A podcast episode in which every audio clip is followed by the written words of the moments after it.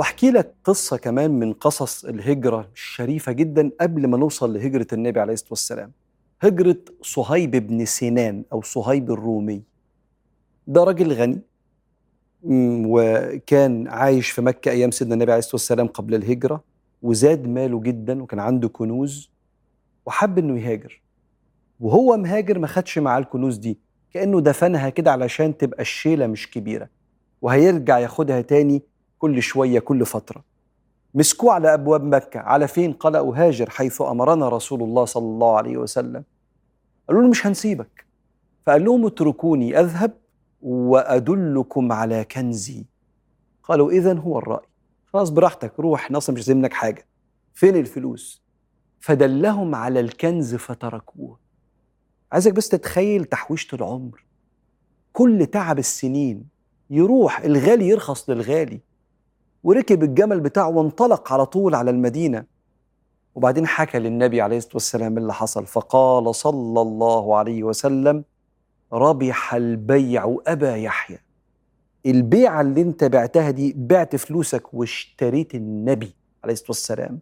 اشتريت ربنا اشتريت آخرتك ودنيتك وروحك وقلبك وعقلك. اشتريت النور اللي النبي جه بيه عليه الصلاة والسلام. ربح البيع أبا يحيى. ولم يبقى في المدينة كما يقول رواة السيرة إلا من حبس أو فتن عن دينه أو المشركين. ومين متبقي؟ ثلاثة سيدنا النبي عليه الصلاة والسلام وأبو بكر الصديق وعلي بن أبي طالب. علي مع النبي وأبو بكر كل شوية يقول لسيدنا النبي عليه الصلاة والسلام يا رسول الله ائذن لي في الهجرة. قال انتظر يا أبا بكر لعل الله يجعل لك صاحبا. وأبو بكر الصديق يتمنى أنه يكون صاحبه اللي معاه ده يبقى سيدنا النبي عليه الصلاة والسلام. فراح على طول اشترى راحلتين. الراحلة هو الجمل اللي بيسافر حتى مش جمل جمل يسافر المسافات الطويلة.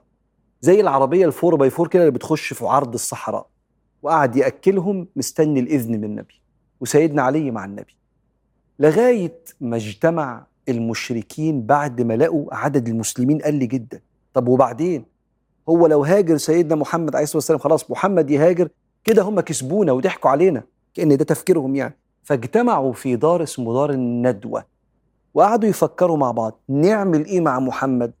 وكان وسطهم شيخ من نجد يقال إن الشيطان تمثل في صورة هذا الإنسان أو الشيخ النجدي ده. فبدأت الأفكار تطلع. إيه رأيكم نحبسه في شيء يشبه السجن الحديد حتى يموت؟ فقال بعضهم لا والله ليظهرن أمره من وراء هذا الحديد. فواحد تاني قال طيب إيه رأيكم ننفيه في بلد بعيدة؟ فلما ننفيه في بلد بعيدة لا علينا ما يفعل ثم التفتنا فأصلحنا نحن أمرنا. الشيخ إحنا بقى بمصلحتنا هو يعمل اللي هو يعمله عليه الصلاة والسلام هم اللي بيقولوا كده يعني. فقال الشيخ النجدي أنتم تعلمون ما يقول محمد وكيف يستلب قلوب الرجال؟ إزاي بيكسب قلوب الرجال؟ والله لو ذهبتم به إلى أقصى البلاد لآمنوا به ثم جاء بهم ليطأ أعناقكم. هيبقوا مؤمنين معاه ويجي يغزوكم في مكة. فأبو جهل قعد يفكر كده. طب إيه رأيكم في الفكرة دي؟ ما تيجي نقتله. القران بيقول وإذ يمكر بك الذين كفروا ليثبتوك يحبسوك يعني أو يخرجوك ينفوك بعيد أو يقتلوك. ويمكرون ويمكر الله. والله خير الماكرين. بس المرة دي فكرة أبو جهل مختلفة شوية. قال نأخذ كما حضراتكم حافظين الكلمة دي من كل قبيلة رجلا جلدا قويا من أوسط الناس. أوسط يعني من أقوى وأعدل الناس ومشهور ومعروف. ونعطي كل واحد منهم سيفا. ثم يجتمع عليه فيضربوه ضربة رجل واحد. فيتفرق دمه بين القبائل. فلا يستطيع بنو هاشم إنهم ينتقموا من كل القبائل. فقال الشيخ النجدي أحسنت القول. الشيطان عجبه فكرة أبو جهل. الفكرة كانت شيطانية لدرجة إن الشيطان عجبته الفكرة دي وبدأ ينتشر ما بين القبائل المشركة هنطلع مين من الرجال؟ عشان يقفوا كلهم قدام بيت النبي عليه الصلاة والسلام عشان يضربوه ضربة رجل واحد. ولكن لا يكون في ملك الله إلا ما أراد. ولو اجتمعت الأمة ده كلام سيدنا النبي على أن ينفعوك بشيء لم ينفعوك إلا بشيء قد كتبه الله لك وإن اجتمعت الأمة على أن يضروك بشيء لن يضروك إلا بشيء قد كتبه الله عليك. ويبدو أن ربنا كان كاتب لرسول الله أمر غير نية المشركين. لما سيدنا محمد عليه الصلاة والسلام يقول لصهيب الرومي ربح البيع لازم تقف. إيه حكاية البيع والشراء دي في المعاملة مع ربنا. بني آدم بيحركوا ال value system بتاعه نظام القيم علاقتك بالأشياء اللي بتحركك. هو الشخص اللي بيصحى بدري ويروح شغله عمل إيه؟ هو عنده علاقة بالراحة وعنده علاقة بالانتظام والجدية والالتزام. علاقته بالراحة نزلت يا نفسي أنام العشر دقايق دول وأعمل سنوز كده في التليفون 10 دقايق بس هتأخر. فأنا نزلت علاقتي بالراحة وعليت علاقتي بقيمة الالتزام. قيمة الراحة نزلت وقيمة الالتزام طلعت. هو أنا لما واحد يسلف واحد قرش عشان ينجيه من أزمة في علاقتي بقيمة المال وعلاقتي بقيمة السند والجدعنة.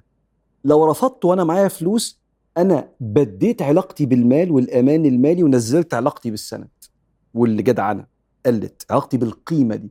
لكن لو سلفتك يبقى أنا نزلت علاقتي بالمال قيمة المال نزلت وقيمة السند والدعم عليت.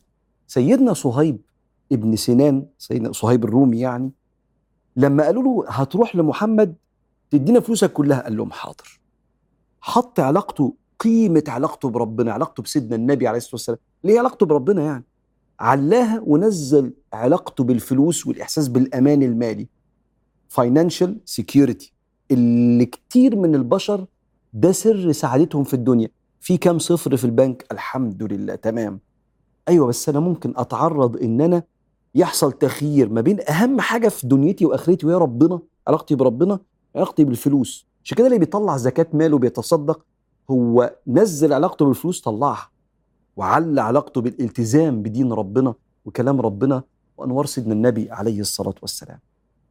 حاجة كمان تانية أقول لك على ساعات البني آدم بيقولوا افكار بتعجب الشيطان أبو جهل طلع فكرة بتاعت نضربه ضربة رجل واحد عجبت الشيخ النجدي اللي يقال في الرواية إن هو كان الشيطان بيتجسد فيه. ساعات البني آدم لو تفتكر آخر كلمة في القرآن قل أعوذ برب الناس ملك الناس يا رب احمينا من إيه؟ من شر الوسواس الخناس. مين اللي بيوسوس؟ الذي يوسوس في صدور الناس نوعين من الجنة الشياطين والناس.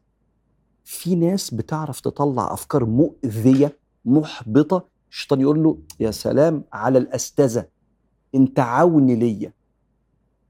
وده يخليك لو عملت حاجة غلط ما تعلمهاش لحد. من أحسن ما تبقاش في ركاب الشيطان.